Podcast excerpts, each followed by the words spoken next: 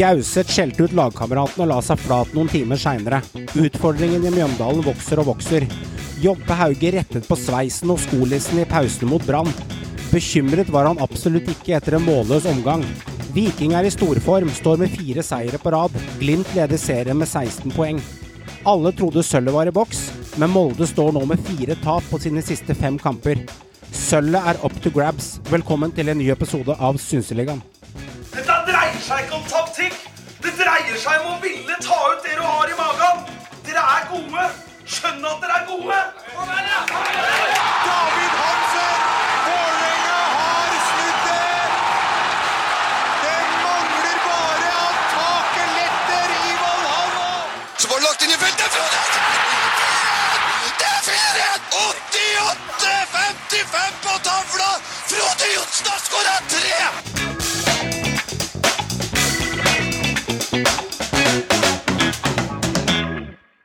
Velkommen skal du være til en ny episode av Synseligaen. Det skjer mye der ute, og Meran og Håvard, velkommen skal dere være til studio i dag òg. Takk for det. Takk, takk. Hjertelig. Joakim er jo fortsatt på lagførerkurset. Altså, Meran veit egentlig hva det er for noe, for jeg har ikke peiling. Altså, er det noe militærgreier? Ja, faen, jeg også. Har sikkert vært noe Sikkert Erna maner til krig. Jeg har ikke peiling, jeg. Det, det er i hvert fall pause fra quiz, og det, det er fordi at Joakim driver og leker war zone ute i feltet der. Her i studio ellers er vi jo tre militærnektere, så vi eh, Mhm. er eh, Vi maner ikke til krig. Jeg veit ikke om jeg er, Vi, eh, jeg vet ikke om jeg er er- nekter, men jeg er- ikke så stor fan Vi er pasifister her i studio. Du har bare sagt at vi er Ja. pasifister, ferdigsnakka? Jeg tar det kortet. Jeg bare drar det kortet. Ja, men det er greit, det. det er greit. Da blir det 3-1 hjemmeseier, da. Så får han stå for det ene Men vet du, for å være ærlig, jeg, jeg slapp militæret, for jeg hadde litt astma i min ungdom, som jeg dro det kortet når jeg skulle på sesjon, sånn derre Hva heter det? Sesjon, heter det ikke da? Når du, når du er og skal inn, og så ble jeg stempla udyktig, og det var egentlig veldig greit. For da slapp, slapp jeg hele greia.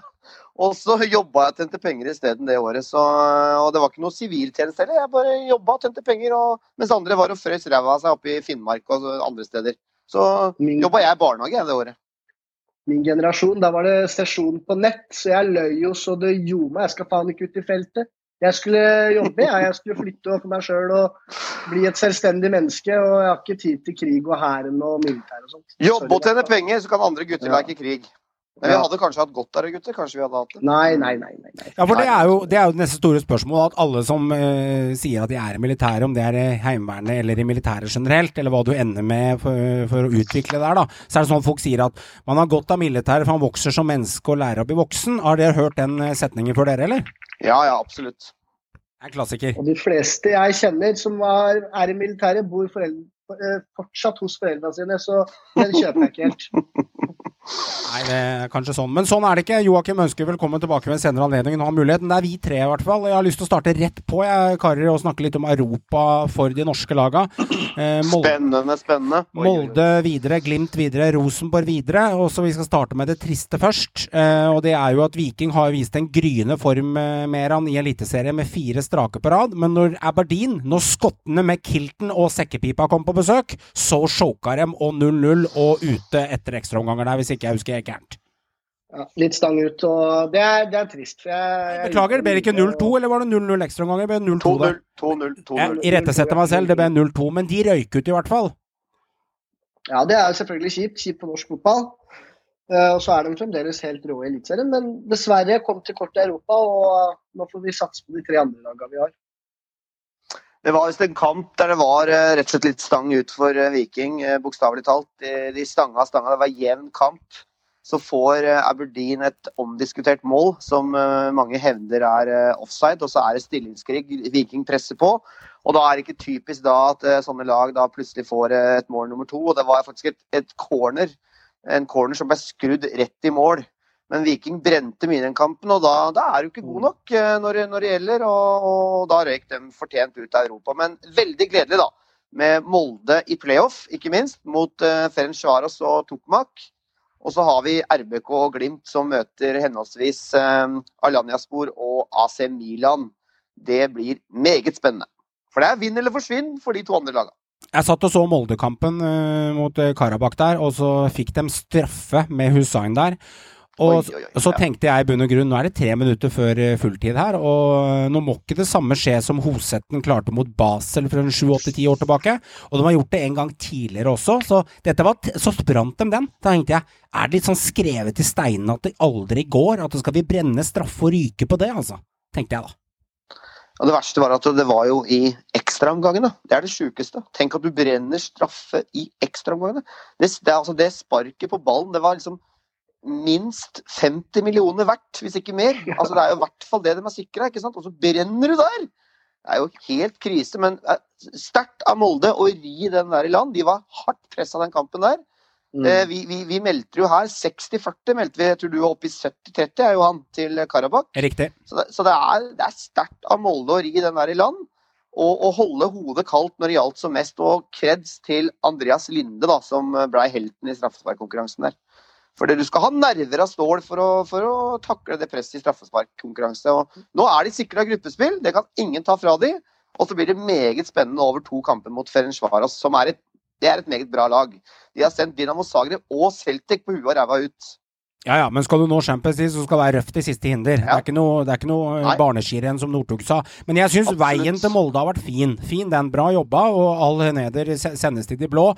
Men jeg syns ikke å dra, ta Fenencvaros i siste matchen der Altså, det kunne vært røffere motstand også, fordi det er et meget godt fotballag her, men borte Fenencvaros, jeg veit de slo Celtic der òg, men det er ofte de lagene fra de landene har en tendens til å kanskje gå på et sånn forsmedelig 2-1 eller 3-1-tap borte. Så det er Jeg føler liksom Det er ikke Arsenal eller United eller Chelsea vi møter, så samtidig er det mulighet til at Molde kan klare dette her. Altså, De har en fair sjanse. Dette skal avgjøres nå over to kamper. Det er ikke kun én kamp, det er viktig å ta med seg. Så her er det sammenlagt to kamper som vanlig i playoff. Eh, jeg vil nok si at Ferencvaros er favoritter, når du da har slått ut Celtic og Dynamo Zagreb, som er to gode lag. Men trekninga til Molde kunne vært mye verre. Så de- de skal på måte, mange måter være fornøyd med den trekninga her. Og Meran, jeg tippa 6-1 til Glimt over Salgiris der. Eh, da dro jeg bare én opp av hatten, eller 8-0. Jeg bare dro på, ja. Men de vant 3-1, og det følte ikke som det var problemer i det hele tatt, selv om det sto 1-1 en periode. Glimt borte mot Milan. Det har vært snakket mye om at hadde Zlatan og co. kommet til Aspmyra, så kunne de faktisk eh, sjokka dem litt. Hva tenker vi nede på, eh, nede på San Siroen der? Ja, altså, hadde det vært på Aspmyra, så hadde jeg vært uh, mer optimistisk på kunstgress. Men jeg skal innrømme at nå, nå er jo Milan midt i preseason, sesongen begynner nå. Og uh, ja, er det, er det et tidspunkt de kan ta dem, så er det jo nå. Men du skal, det er tøft, altså. Det er Zlatan. Zlatan, Kananoglu altså, Dette er store gutta. Så Glimt får vise hva de har skapt av nå. Altså Milan eh, overbeviste jo ikke. De slo jo ut eh, faktisk Brann sine, sine overmenn fra fjorårets Europaliga. Shamrock Rovers. Vant eh, 2-0 borte der. Zlatan skåra. Så de overbeviste ikke. Eh, 2-0 der er jo ikke imponerende, men, eh, men her er det hjemme på San Siro. Mektig San Siro. Eh, Glimt må spille over evne, og de må virkelig tørre å spille Glimt-fotball. De må gi dette en fair sjanse. Det er ikke snakk om man skal begynne å legge seg bakpå her. Her må du gønne på og gi det en fair sjanse. Og jeg er helt enig. Jeg mener at de hadde hatt gode sjanser hadde vært på Aspmyra. Eh, og det er gress på San Siro, naturlig nok. Glimt er ikke så gode på gress.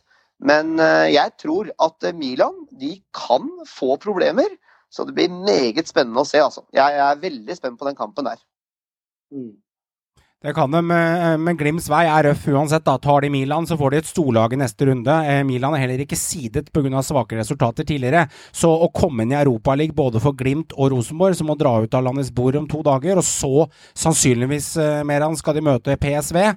Den eneste halmstrå Rosenborg har der, føler jeg, er at de får hjemmebane. For forrige match mot PSV så tapte de 1-4 på Lerkendal. Forresten en kamp jeg var på selv i Europa, Europaen der. så det, jeg er litt skeptisk på Rosenborgs vegne. Jeg tror de kan ta tyrkerne, men gud bedre å ta ut nederlenderne nå.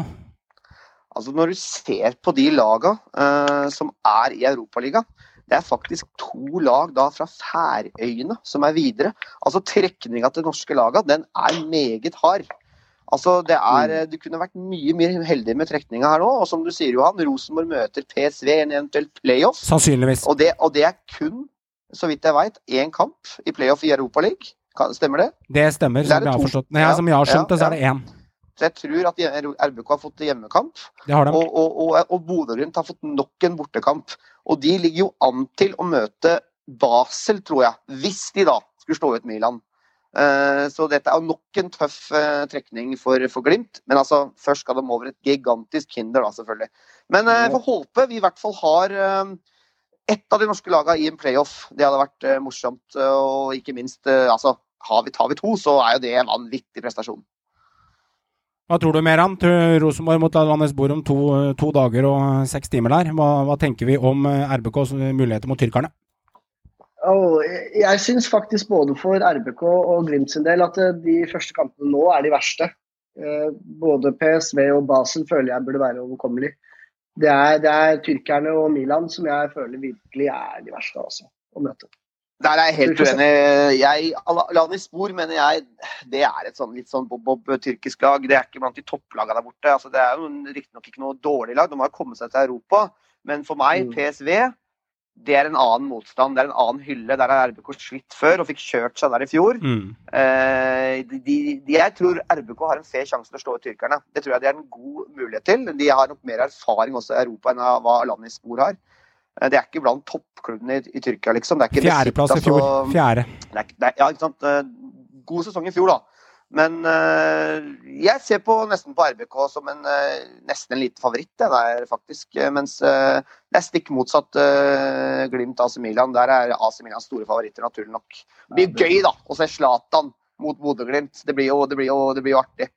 Jeg gleder meg til den duellen der. Marius Lode mot Zlatan, liksom. Det, det, det, det er spesielt. Det er spesielt. Hvis du tar det, første, tar det første hinderet først, da, selv om det blir tøft for Rosenborg eh, mot eh, PSV og Basel-Glimt, så tenker jeg den største favoritten nå av de tre kampene som kommer nå, er Rosenborg mot tyrkerne som største favoritt. Så vil jeg si eh, rett og slett at eh, Molde er nummer to på rekka der i over to kamper mot Feng Kvaros, og Glimt er den som er minst favoritt her eh, av de tre kampene. Vi kan ikke forvente at de slår ut Milan, selv om Glimt er i storform. Jeg skjønner at det er preseason for italienerne, men det hadde jo vært ganske sjukt hvis de hadde gjort det. Men ja jeg, Eller tenker jeg at Milan har større navn i forhold til hva de har? Altså Surrer jeg litt nå? Bare deres innspill der.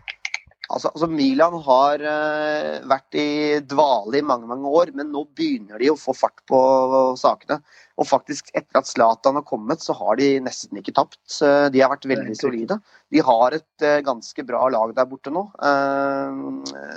Så det blir et nytt mirakel på San Siro hvis dette her, hvis Glimt klarer det her.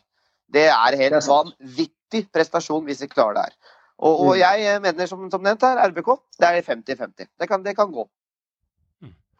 Da setter vi europastrek der. Ellers da, gutter, denne uka her, hva har dere gjort for noe? For å hoppe litt opp på det. Håvard, åssen har uka di vært siden sist vi samles? Nei, det er full fart, da. Jobb, unger og uh, fotball og uh, fullt trøkk. Det er uh, barnehage og skole og mye jobb og, og fotball på ettermiddager flere ganger i uka. Så det, det er tempo i uka, uka som har gått. Og sånn, men det er gøy. Vi liker at det skjer mye. Meran, fullt trøkk hos deg. Du tegner så du spruter, og bussene begynner å irritere deg, Ja. skjønte jeg? Ja da, nå skal ikke jeg ta den diskusjonen der, men uh, det er mye, mye fart på jobb, mye fart på jobb, mye fart privat.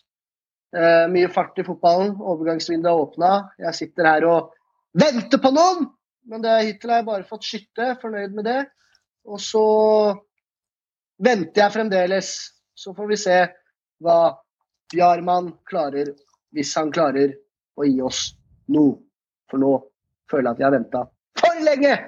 Følte jeg i hvert fall de siste 20 sekundene at du kunne satt deg på uh, dobbel hastighet på podcasten, for det ble veldig stakkato, stakkato og stakkato. Du høres lei ut! Ja, uff, jeg er så drittlei å se på, se på det vi gjør hver helg nå. Mm.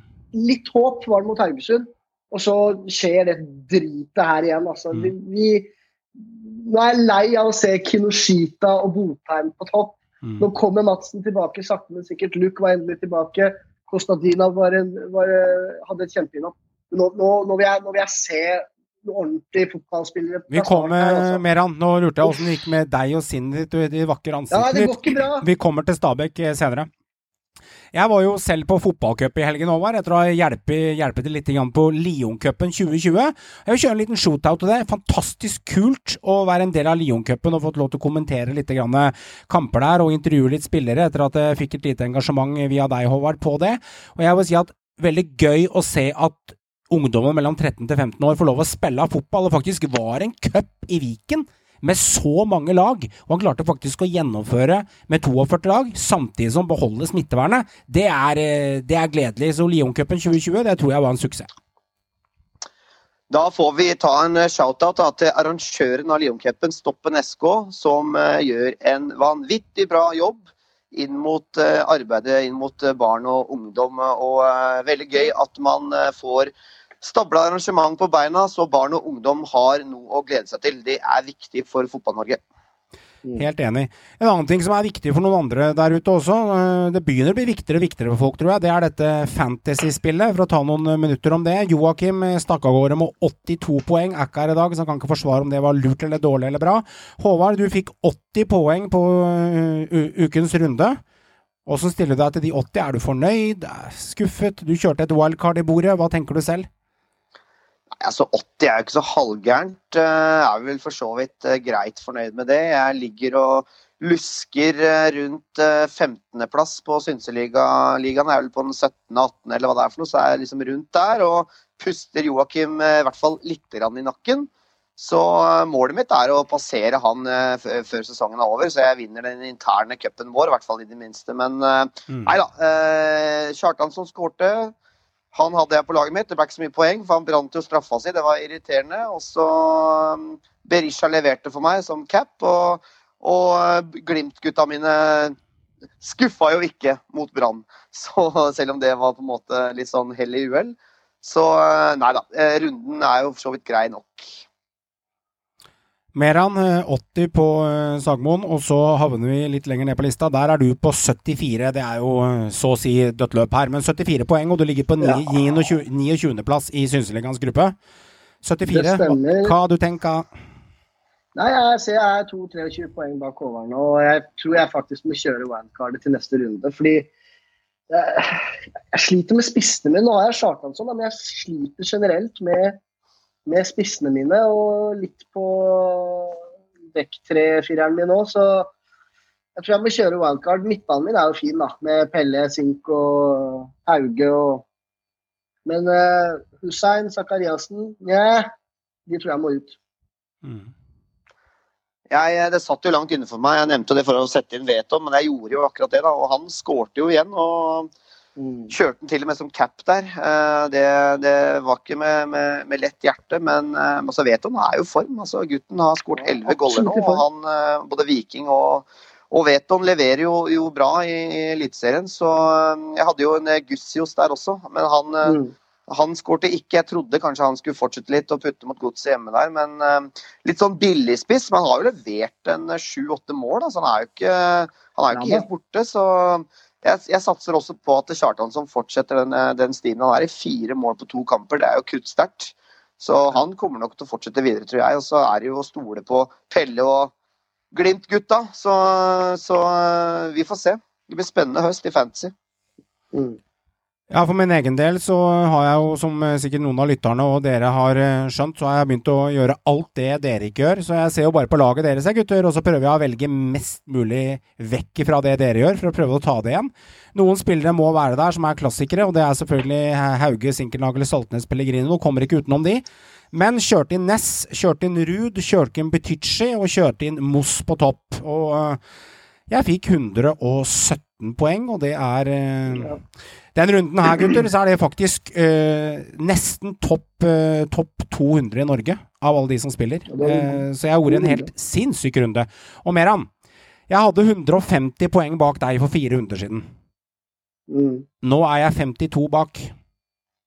Fortsatt på side to. Ja da, jeg vet det. Men det er jo gøy at, gøy at vi snakker om side to, Krog. Jeg har jo ikke tenkt å komme meg opp på side én. Jeg må jo ikke det, for guds skyld. Jeg er jo to plasseringer unna å komme på side én nå, så nå ligger jeg på 54.-plass. Men, ja men henta 115 poeng på deg på fire runder, og det er 1200 igjen, så jeg tar, ikke, jeg tar nok ikke igjen Håvard og Joakim. Men det hadde jo vært moro å tatt igjen deg. Ja da. Nå skal jeg ta det litt seriøst. Skal jeg ordne wildcardet mitt neste runde og bruke noen av hjelpemidlene. Jeg har ikke brukt noe ennå. Så skal Mm. vi se. Skal jeg få fart på laget mitt. Jeg har hatt noen dalende runder de siste rundene. Men jeg, du skal nok eh, slite litt, altså. Det er for, fremdeles en god del poeng opp. Hva mer kan jeg gjøre da, om du vinner de fire siste rundene og får 189 og 117? Jeg må jo gjøre det beste jeg kan når jeg har fått, fått utdelt de korta jeg har gjort.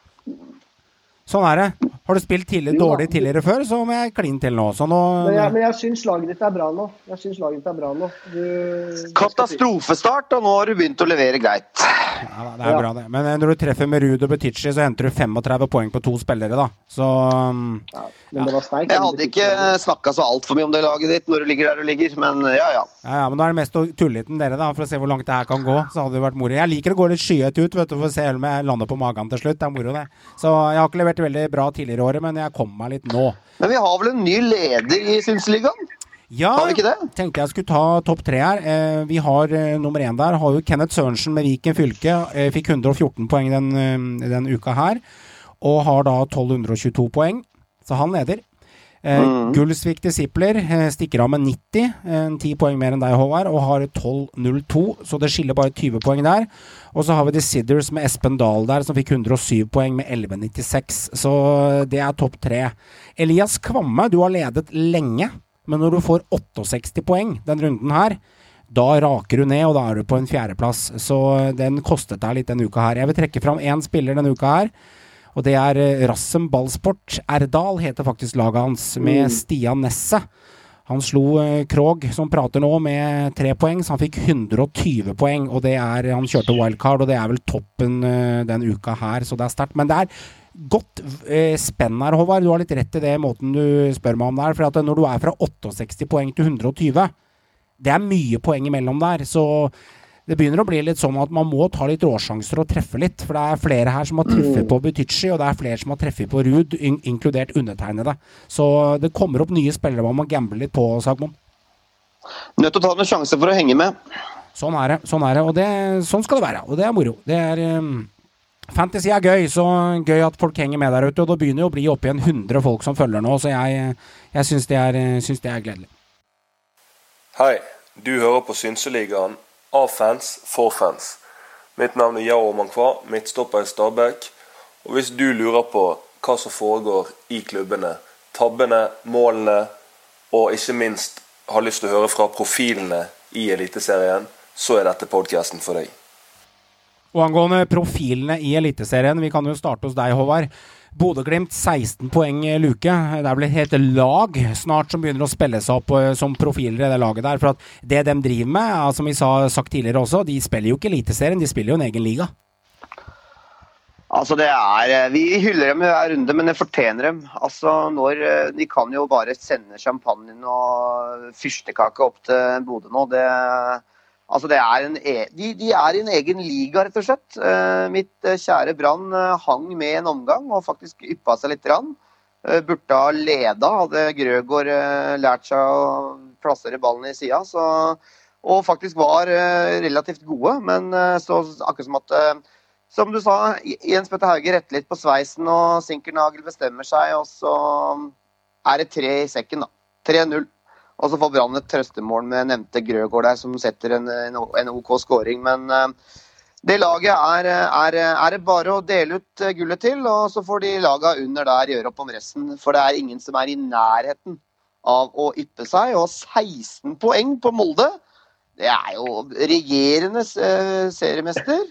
Det er, det er latterlig bra. Det er, det, vi har aldri sett et så suverent norsk lag. Og de kommer til å sette poengrekord, det tror jeg faktisk. Eh, Og, og kun avgitt da to uavgjorte og vunnet resten. Og kommer de til å gå ubeseira, det kan man det, altså, det tror jeg faen meg nesten på snart. Altså, det, det er så imponerende. Og, og bare liksom Sinkernagel er det 13 mål. Og så har du Jeppe Hauge 14 mål som vinger. Og så har du da Junker på 11. Og da har jeg ikke begynt å snakke om assist engang. Det er vanvittig høyt, særlig på Sinkernagel, tror jeg. Så er han, eh, han er levert så vanvittig med målpoeng, de gutta der. Vi har snakka om det tidligere når vi pratet om hvor mye målpoeng de hadde hatt etter en 12-13 runder, og det har jo bare fortsatt. Det har ikke akkurat skrudd av, for å si det sånn. Men å si at de er 16 poeng mer enn foran Molde Molde har fått Ja. besøk, besøk, de. De har fått besøk av, Odds ballklubb, eller Odd som det heter eh, forkortelse for. Og det er jo faktisk 16 poeng ned til både Molde og Odd. Det er ikke bare ett lag på sølvplass lenger nå. Nei, nå er det to. Nå eh, driver vi Molde og mister eh, terreng, kan man si det sånn. da. Siste fem kampene så har vi én seier, så det lukter ikke akkurat krutt av dem. Og Vålinga er på gang, Rosenborg er i gang. Så det er, eh, den sølvplassen lever, altså en liten bortekrise, bortespøkelse hos Molde nå, faktisk, som uh, har gått på uh, mange kamper uten seier uh, borte. Og, og fortsatt et hardt lag å slå, men Enga altså, de, de, viser at de mener alvor. Og Odd fikk seg en nesestyver av Glimt sist, men tar en ny seier nå. Og RBK krangler med seg en ny seier og, og, og er med der oppe. Det er kamp om sølv og bronse, og KBK rett bak der igjen. Så her er det helt åpent om medaljene bak Glimt. Uten tvil, og Vålerenga også. Klart De har jo en to tap på fem kamper der, selv om man tenker at de har vunnet og vunnet og vunnet. Så Vålerenga har også tapt noen fotballkamper. Men, men, det er jo en form Vålerenga viser nå som er, som er, litt annerledes enn tidligere. da. Kjartansson har de fått på plass, de har en god midtbane, de har et bra forsvar, de tetter bra igjen.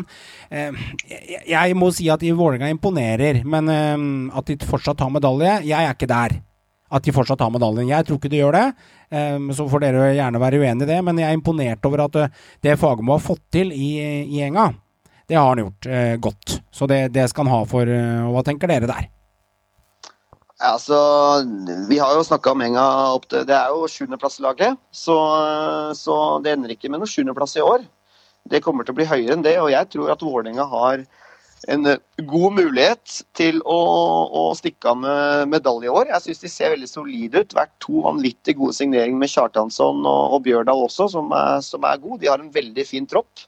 Som du sier, de tetta bra igjen bak også. og med Nesberg og, og Tollås Nation, som er et bra stoppepar. Nesberg har tatt veldig steg som stopper.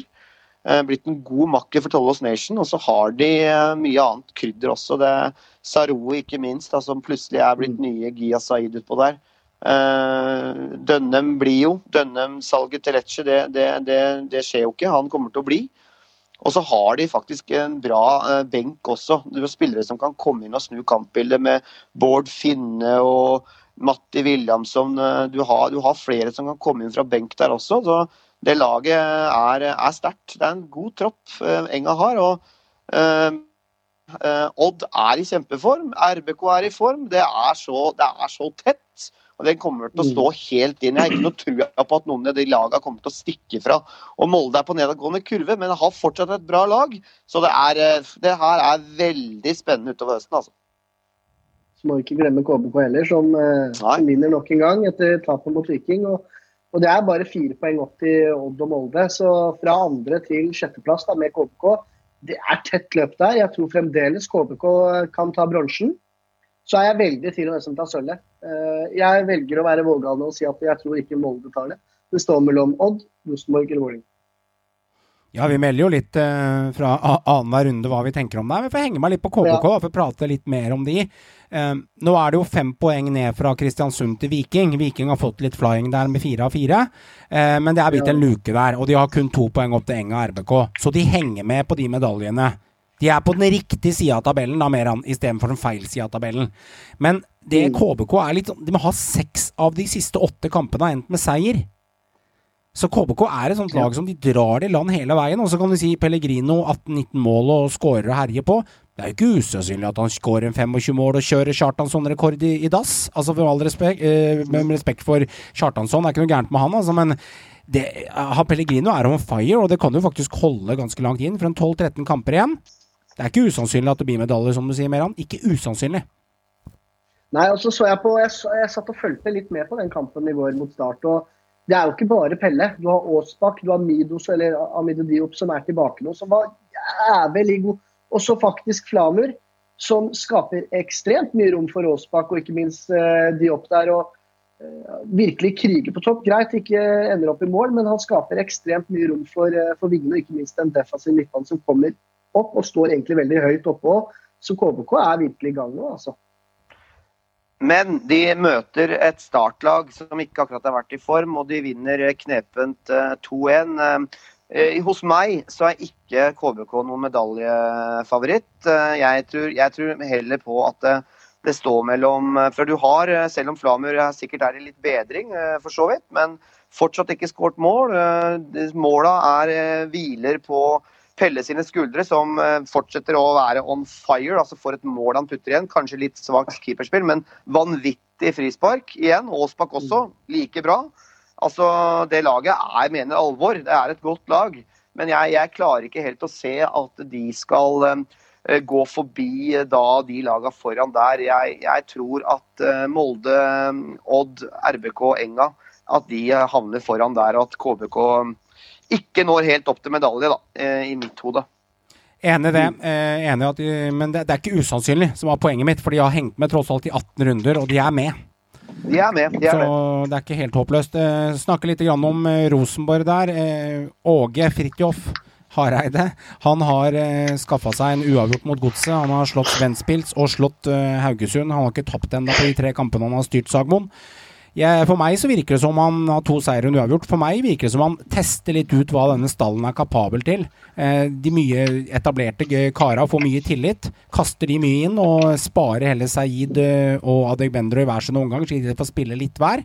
Så det, det virker som han Det er mye prøving og feiling å se hva gutta er kapable til å klare her. Det, det leser jeg litt ut av det eh, Åge har gjort i tre kampene her. Ligger jo under igjen, da. Kommer under, eh, som mot eh, Godset. Og Ventspils. Eh, og Ventspils, faktisk, ja. Så slipper inn først der. Men eh, har jo en evne, da, Rosenborg, til å komme tilbake og, og bikke kamper i sin favør. Og det er jo selvfølgelig en del gode spillere, men jeg er ikke imponert over spillet fortsatt. Det, det er jeg ikke. Og, eh, men eh, altså, selvfølgelig, altså, de er jo med. De er jo helt der oppe. og og har, eh, og har meldt seg virkelig på medaljekampen etter en uh, ganske sånn eh, treg start. Uh, så, så det er et lag som mener alvor. Uh, og nå ser det ut som også at Dino har fått faktisk litt fart på, på sakene, og, og skårte jo noe igjen nå. Og har skåret i flere kamper på rad, Dino. Og ser ut som han har, han har på en måte vunnet den litt kampen mot Børven om å være foretrukken spiss, faktisk. Eh, Det ser sånn ut at, Kåre, at Åge liker en, en stor og sterk spiss der oppe, med, som er litt mer oppspillspunkt. Eh, For de har jo ikke klart å bruke Børven eh, der han er best. Ennå. Men, men dette blir mye kamper, og de kommer garantert til å rullere. Så de har jo en bra stall, RBK. Det er jo ikke noe tvil om. Men dette har jo vært intensjonen eh, som har, i hvert fall, eh, har vært pratet om lokalt i Rosenborg. Jeg følger de veldig tett. Og det er at det skal rulleres på utover hele høsten. Ja, nå skal Dino stå over neste uke mot Ålesund pga. at han er jo en wrestlingbryter, eh, Islamovic. Han får jo gule kort som, eh, som Frode Kippe fikk i gamle dager. Han har jo oppe i seks gule allerede. Og til, hele, og til uken så skal sannsynligvis eh, Børven spille mot eh, tyrkerne, eh, Landesbord. Og så skal han sannsynligvis spille mot Ålesund også. Og to kampene før der så, så starta Børven, og da hadde han ett mål på to kamper. Så det ser ut som han prøver å få i gang begge. Så jeg, jeg, jeg tror vi må være litt forsiktig med å si at én har vunnet den ene kampen eller ei. For skårer plutselig eh, Børven én eller to skåringer mot Alanesbor, og så skårer han en mot Ålesund. Da ser det plutselig ut som Børven har vunnet den matchen. Så jeg tror det er en rullering for å se hva de gutta er kapable til å ta, da. Jeg er litt uenig, for eh, hadde ikke Dino måttet stå over nå, så tror jeg han fortsatt hadde spilt. Eh, Jeg syns det virker som at Dino på en måte er den foretrukne spissen, da. Eh, Børven kommer til å spille, han kommer jo inn og sånne ting, men, eh, men eh, jeg tror at Dino er, er eh, nummer én-spiss hos Åge akkurat nå, og, og det tror jeg vi kommer til å se utover høsten også, hvis ikke det, Børven begynner å putte. Da, for for mål, målfangsten hos Børven har jo ikke vært imponerende, så ærlig må vi være. Ja, Han har jo ti mål på 17 kamper, da, men eh, jeg er jo enig i at uh, Men seks av måla var hos Odd. Det er viktig det er å si. Det er sant. Men for meg også virker det som at det er Dino som er favoritten nå. Så får vi se, da. Men det tar nok litt tid for Hareide å sette hele laget, hvis vi tar med Mm. hele troppen der, da. Så, så får vi se. Det, jeg personlig er mer fan av f.eks. Tagseth enn jeg er Konradsen. Men dette er jo noe Åge må finne ut av. og Rullere og teste litt. Han har jo som sagt det er tre kamper, da. Så det tar litt tid for han å bli kjent med hele laget og finne ut sin foretrukne elver òg, naturligvis. Nå så jeg at Per nok en gang forsvant ut med skade. Jeg får håpe at det ikke er alvorlig for han og RBK sin del. For han tror jeg er ganske viktig nå utover høsten. Eh, han, han, han har et uh, høyt nivå og har vært uh, bra forrige gang. Og så er det viktig å holde de gutta varme litt, tror jeg, på midten der med Tagseth og, og, og Konradsen og, de gutta rundt der. At de får spilletid, så de på en måte er kapable da, på, for kamper som kommer nå. For hvis RBK f.eks. når et gruppespill, så må du ha hele stallen i gang. Mm. Både Dino har levert greit de siste tre-fire kampene nå. Fire mål på tre kamper der, Dino. Men uh, Børven hadde da fire eliteserieskåringer, og så har han tre i Europa. Så han har satt en sju stykker for Rosenborg, da, med begrensa tillit òg blandingsforhold mellom de to. da. Altså, Idealet er jo at én spiller og bøtter inn skåringer, for ingen av de kommer i noe spesielt god flyt for vi byttet av hele tiden. Men grunnen til at jeg sier at jeg tror det blir en sunn rullering, og at det ikke er noe en som eier den plassen noe mer, er pga. egne uttalelser innad i Rosenborg. Det som har blitt sagt, er at det er mye kamper utover, utover høsten. Det skal spilles tett, og hvis vi skal gjennom flere europakamper der, så er vi nødt til å rullere for å ha en fit tropp. da. Og det er litt av grunnlaget at jeg tror at det er ingen som stiller noe sterkere av de to. Men det er gledelig å se at Dinos har begynt å skåre litt. Det syns jeg er moro. Det er bra. Eh, Paconate, fikk dere sett matchen med, med, med Rosenborg i, i matchen? Eller så, så, dere noe klipp av det, eller fikk dere kun med dere høydepunktene etterpå, gutter? Høydepunktet. Så kun høydepunkter. Hørte at han var, eh, at han var eh, ganske solid eh, mot et eh, middelmådig Haugesund, eh, med all respekt. Så eh, ja, kom jo greit ut av debuten sin. Ja, Stort sett de fleste eliteserielagene jeg møter, er jo fra Haugesund i pluss-minus. Så hvis han spiller ganske solid mot Haugesund, så spiller han noe solid mot 80% av ligaen. Utenom topplaga som regel. Haugesund er jo da på nedre halvdel. Ja, ja, men Haugesund er jo et lag som ligger midt, midt, midt i grøten, som alle andre. De, ligger, de har ligget midt i grøten i mange, mange år. Jeg tror ikke uansett det her er den største testen hans, Nei, er, for å si det sånn, da. Det, og det er poenget mitt. Dette er første matchen hans. Han var strålende offensiv og ønsket å være strålende offensiv og bli spilt god.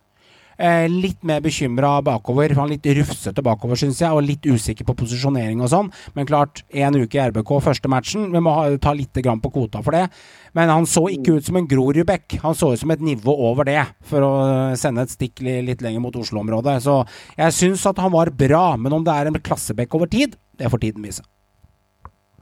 Jeg meldte jo at han kunne være greit offensivt. og Han var jo en rimelig mann å få inn, så det virka som han var helt OK.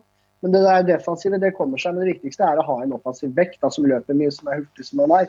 Og så får man gjort veldig mye med en, med en slik bekk. Det skal også sies. Mm.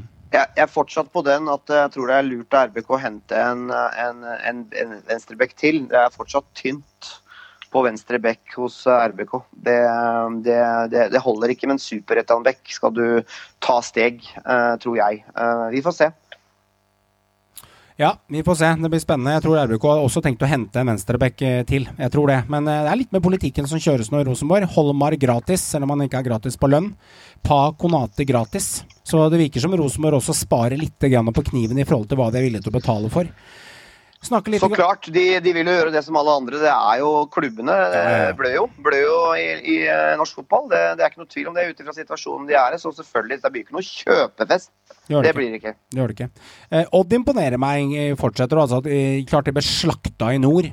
Eh, men det er bare for at Bodø-Glimt er så sinnssykt gode. Eh, og så kommer de tilbake igjen, og, så vinner de greit mot Stabæk, eh, Meran. Med all, all, respekt for Stabæk. Ja, selv om Stabæk har en veldig god statistikk borte mot Odd. Den er faktisk ja. sylskarp. Men denne gangen så holdt ikke det mot Odderne.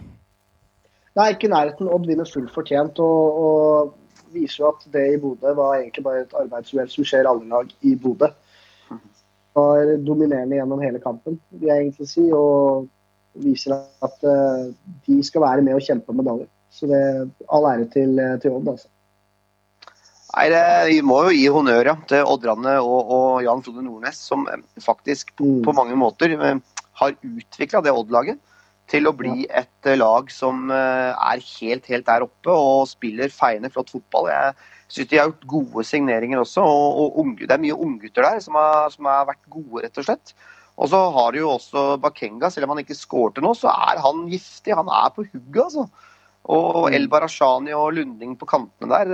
Det er, det er et lag som, som, er på hugget, og jeg syns de spiller fin fotball. Eh, det blir spennende å se dem utover høsten nå. Jeg meldte det også i den første preseason, eh, var vel i februar-mars, at jeg hadde trua på Nordnes. og han har jo vært i det laget så jæklig mange år, og han kjenner jo dette laget her ut inn.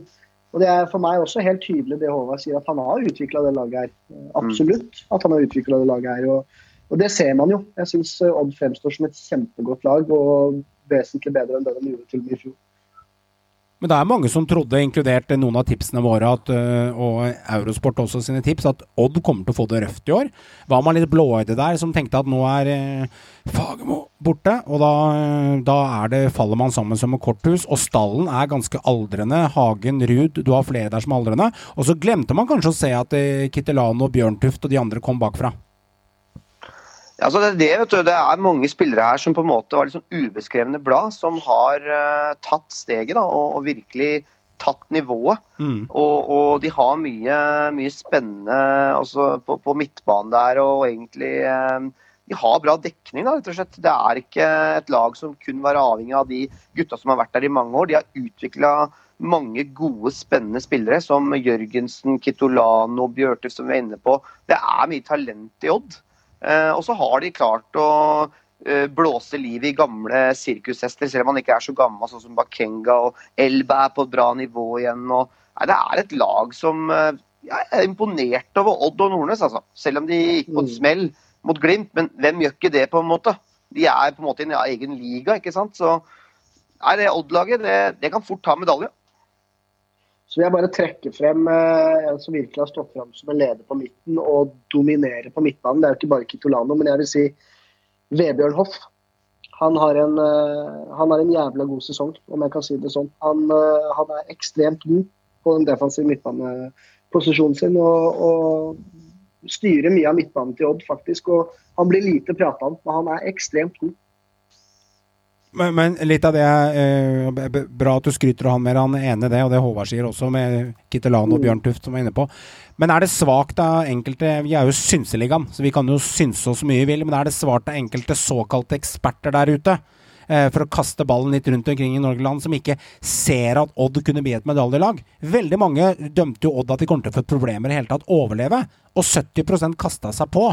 Og er det litt sånn den høyeste røst vinner, og da bare kaster man seg på, eller slutter folk å tenke når de setter opp disse tabelltipsa?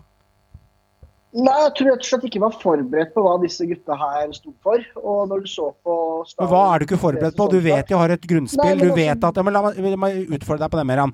De vet du har et grunnspill. Du vet det er 4-3-3. Du vet det sitter i veggene. Du vet de har jobbet med det over lang tid. Og du kjenner spillestallen. Hva er man ikke forberedt på? Nei, jeg tror ikke de kjente spillestallen. Hvis du står på antatt eldre av ekspertene, så var det jo Fredrik Nordkveld i startelveren.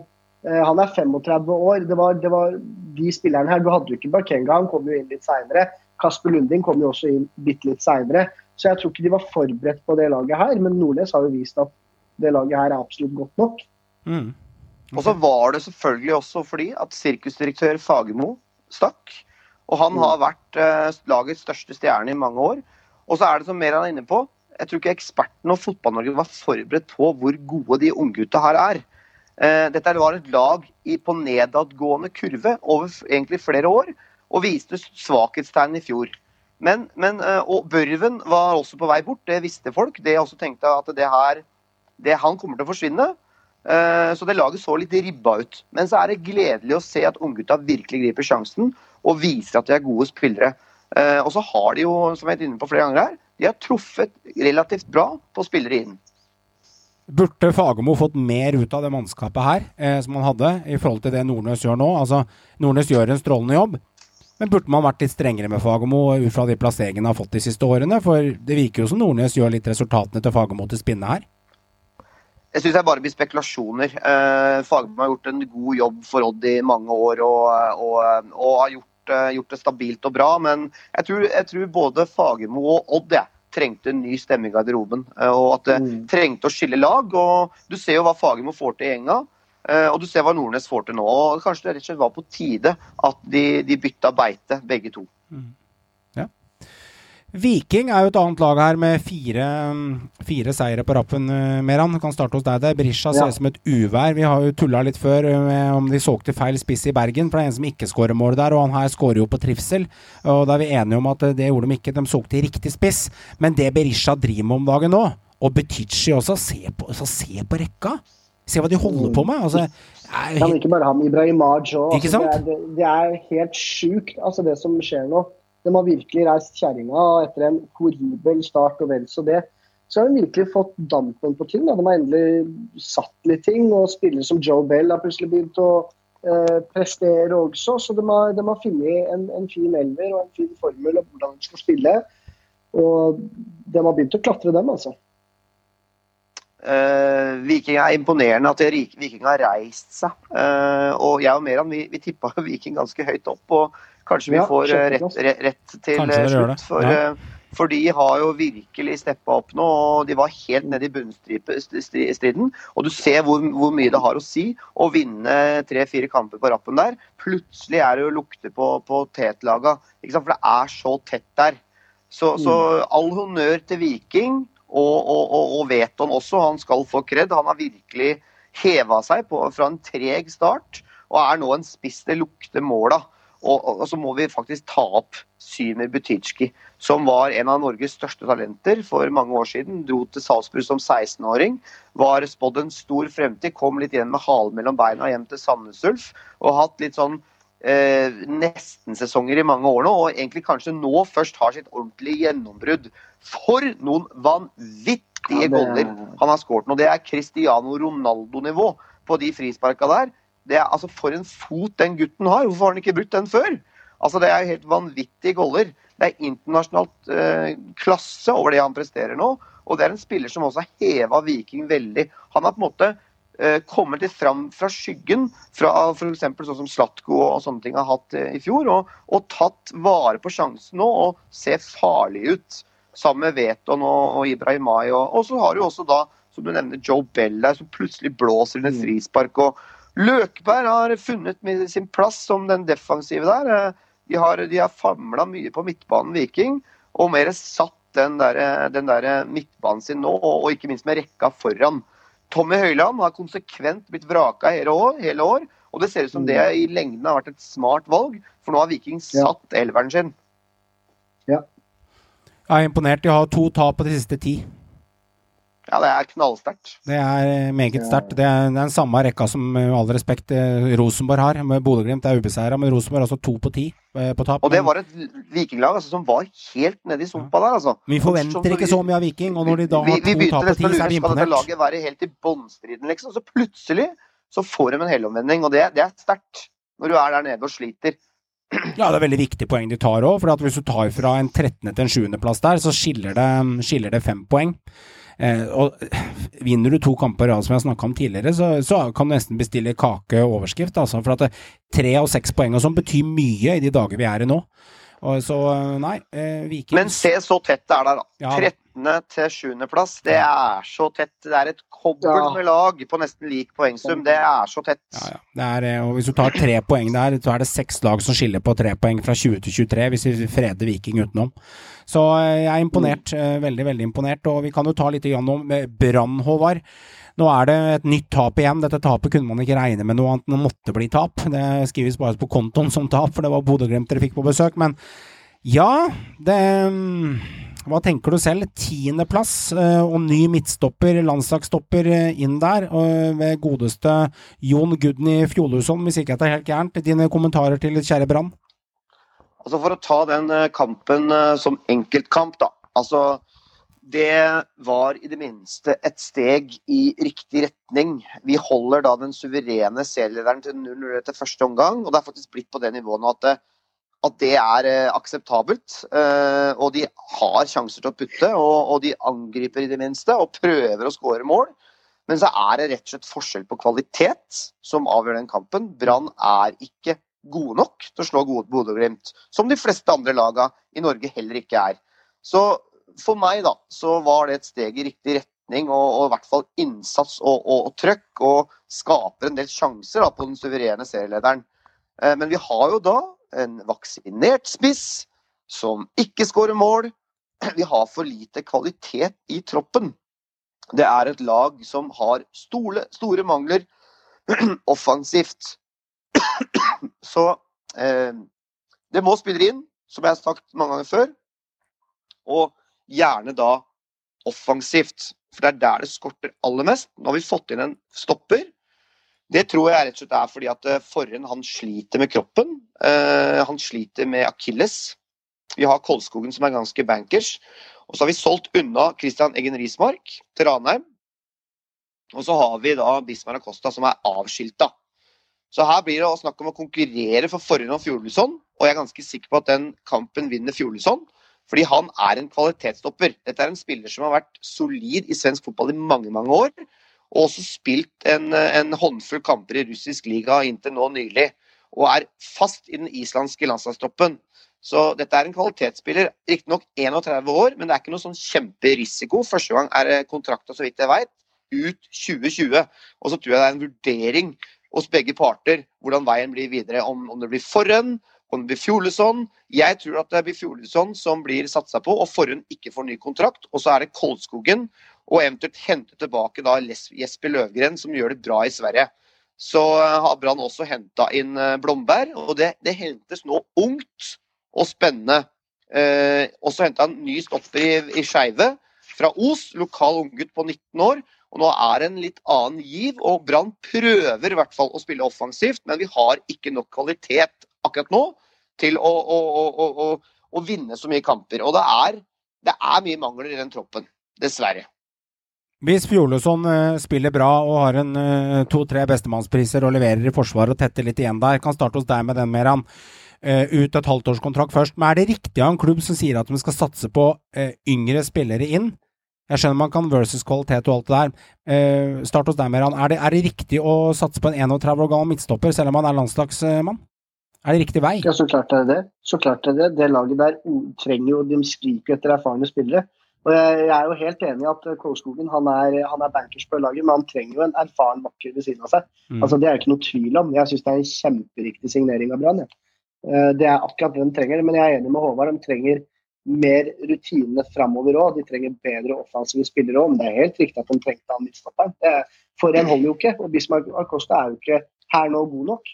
Så det er jo kjemperiktig signering. Jeg syns signeringa er fin. Jeg, jeg støtter den signeringa. Og når du får tak i en sånn kvalitetsstopper som er bankers i islandske troppen, og også da faktisk går vederlagsfritt eh, Det er ikke noe stor, stor risiko for Brann. Han kan kanskje bli dyr hvis han skal skrive lengre kontrakt, men det tror jeg blir en vurderingssak for begge parter etter sesongen, hvor de står hen. Men, men, det skriker offensivt hos Brann. Og Gilbert Consum, han vil bort. Han uh, kjører Veton-trikset. Nærmest vil skrike seg bort og, og møter, ikke på, møter, ikke opp på, trening osv. Altså, jeg sier bare få det bort. Selg den. Selg den for 3-4 millioner. Få den vekk. Du må ha spillere som vil spille for klubben, og som vil blø for drakta. Nå har han skåret en åtte goller etter at han begynte å, etter at han tydeligvis hadde fått noen klubber etter seg. Så har han ikke prestert en dritt. Da får du få han vekk, og så får du hente en erstatter. Altså, Vi trenger to vinger videre, for å være helt ærlig. Og vi trenger en spiss som kan pushe Bamba. Men alt kommer ikke til å komme nå. Sesongen 2020 handler bare om å få dette laget i gang. Og så er det 2021-sesongen som gjelder for Kåre. Det skjønner alle.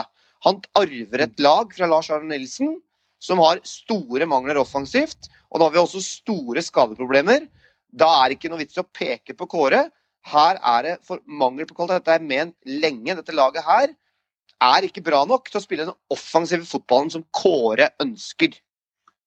Men eh, når skal Kåre begynne å måles, da? Ut fra at han tar du jobben, tar du ansvaret-setningen? Altså, hvor lenge skal man si at eh, ja, men dette året er spolert, dette året er spolert. Er det fram til første første ferdig snakka? Så de resultatene som kommer i 2020 her, det er samme hva det blir så lenge man ikke rykker ned? Er det de tankene du har?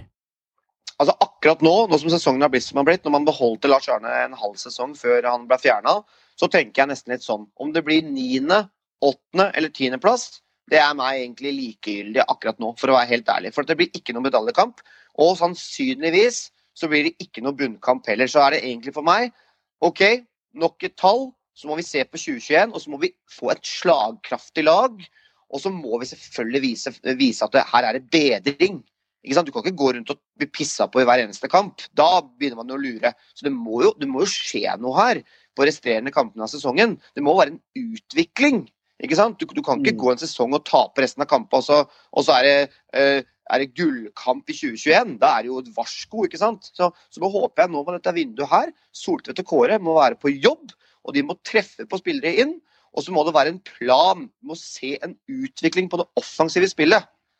Og hvis ikke Bamba begynner å skåre nå, så må han bort, han også. Og så må vi ha en spiss for fire fattige mål på en midtspiss i Brann. Det er skandaletall, altså.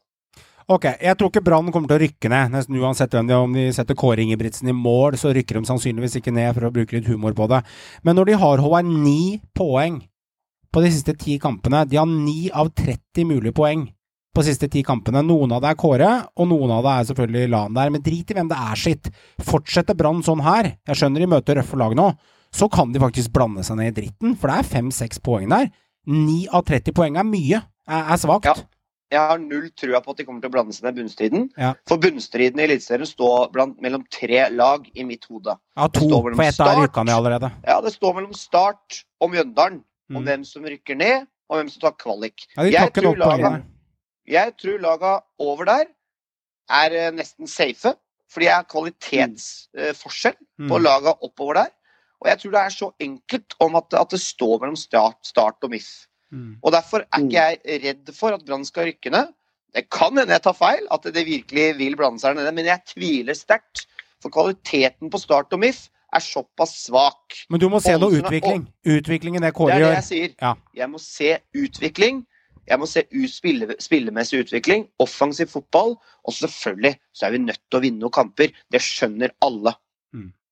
Ok. Eh, Stabæk, Meram? Ja, Der jeg vil bare eh, hoppe på det Håvard sier i forhold til Bamba fire mål. Vel, i Stabæk så har eh, nordmann Hansen fire mål og er toppskårer. Hugo Vetlesen er fire mål, delt toppskårer. Emil Boiden er tre mål. Edvardsen tre mål. Hanke tre mål. Og da kommer vi til en spiss med Kinoshita med to. Så huff. Jeg er glad for å ha kastet tilbake nå igjen. Og det kommer til neste lag, som er Stabæk. Brann har 22 poeng på tabellen. Stabæk har 22 poeng i tabellen, og alle mannen som er toppskårer for begge lag, skårer fire mål. Og det, begge har 22, så Meran, fire tap de siste sju kampene. Ehm, det er jo ikke sånn at det flommer over med, med iskrem på Nadderud og deilige trepoenger heller, men dere, dere henger, i troppen, henger i stroppen så vidt det er. Jo da, vi, vi gjør det. Og vi, jeg, jeg skjønner det virkelig ikke, for vi, vi har et godt lag. Amankwa var endelig tilbake nå. Solheim er bra, Hanke er bra, Edvardsen er bra, Sami Skytte er veldig bra. Eh, Lumansa hangla litt, Vetlesen er bra, men det er sånn vi får ikke til. Jeg skjønner ikke hva som skjer. Og nå er jeg så glad for at Kassi er nå smått tilbake. Eh, Madsen er nå smått tilbake, men de kan ikke starte. De må komme innpå i andre omgang. Ko- Carl Costadino vi eh, fikk debuten sin i går. Jeg syns han var kjempebra. Men det, det skjer ikke noe mer. Vi klarer ikke å skåre mål. Og det er, det er tøft nå. Jeg syns det er litt sånn uh, i Stabæk, som, litt sånn som jeg snakker om i Brann. Det, det, er, øh, det er en del kvalitetsspillere, men det skorter veldig på sluttprodukt offensivt. Mm. Stabæk fikk inn spissen sin, eh, en av dine ønsker også, Meran, med Botheim Ja. inn. Og vi må være så ærlige å si at det har vært en fiasko. Han har ikke Ja, skåret et eneste mål. Det er en flopp. Viser Flopp. trolig at han viser, viser tydelig at han ikke er god nok til å spille, Mm. eh, være en toppspiss i Eliteserien per dags dato. Ja, Kinoshita helt har skåret, som du sier, to mål. Det er syltynt. Og Madsen har hangla eh, med kroppen siden han kom, og skåret riktignok et fint mål, men det er på en måte det. Og bak der Det er eh, talent, men det er lite sluttprodukt. Jeg syns at eh, forsvaret til Stabæk, solid med Hanke Solheim. Du har en Mm. god keeper, men det er et Mm. lag som da også er en del mangler hos. Det er mye talent, lite sluttprodukt, en del spillere som ikke er helt i form. Så det, det Stabæk-laget også trenger å få inn noe mer krutt på topp. Eh, trenger å få inn en spiss som er god for mål, rett og slett. Ja, det er jeg helt enig i. Og så er det litt sånn som eh, med situasjonen i Brann nå. Vi trenger erfarne spillere offensivt. Altså, vi trenger spillere som kan gå inn fra dag én nå, heve det laget og ta med seg unggutta. Eh, La unggutta hvile seg litt på de erfarne spillerne, for nå er det bare unggutta på topp. Bli kasta ut i ulvene, gjør hva dere vil, men vi må ha noe offensivt. Vi må ha noe kreativitet. Jeg er glad Lukassi kommer tilbake, men hvis vi ser på skadehistorikken hans de siste åra, jeg er ikke sikker på om han holder ut sesongen engang. Det det, er det jeg frykter. da. Da lar vi Stabæk ligge, da lar vi Brann ligge. Jeg forventer utover de neste rundene mellom deg, Håvard, og Meran at uh, det blir et veddemål som er en klassiker i uh, Synseligaens ånd av hvem av klubbene som uh, havner øverst. Det kan dere lomme eller diske av. Det har vi hatt hele år. Ja, vet, det kan dere diske av dere, for begge lagene står med 22 poeng, og begge lagene har vunnet to av de siste ti kampene, så det er en ganske lik situasjon. Så, Akkurat like dårlig, da, med andre ord. Ja, men det er bra. Ja, like, like dårlig. Like ja, men dårlig. eh, Dere rykker nok ikke ned, men klart siden det er så mange svake bak der, og bunnpraten kommer til litt senere. Vi hadde en konkurranse, gutter, i um, forrige uke.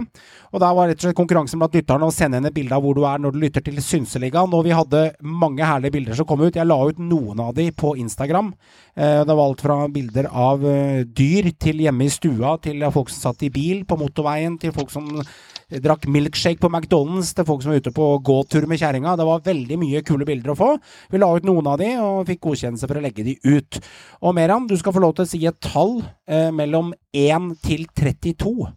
Og det tallet som dukker opp der, teller jeg bare nedover lista mi, og den vinner et årsabonnement på Dplay, totalpakke, der du får alt fra Eliteserien, alt fra Jan Thomas, og alt fra Tid for hjem og oppussing og alt det styret der som går på Dplay. Hvilket tall gir du meg? Pontus Farnerud nummer 17. Pontus Farnerud nummer 17. Skal vi telle?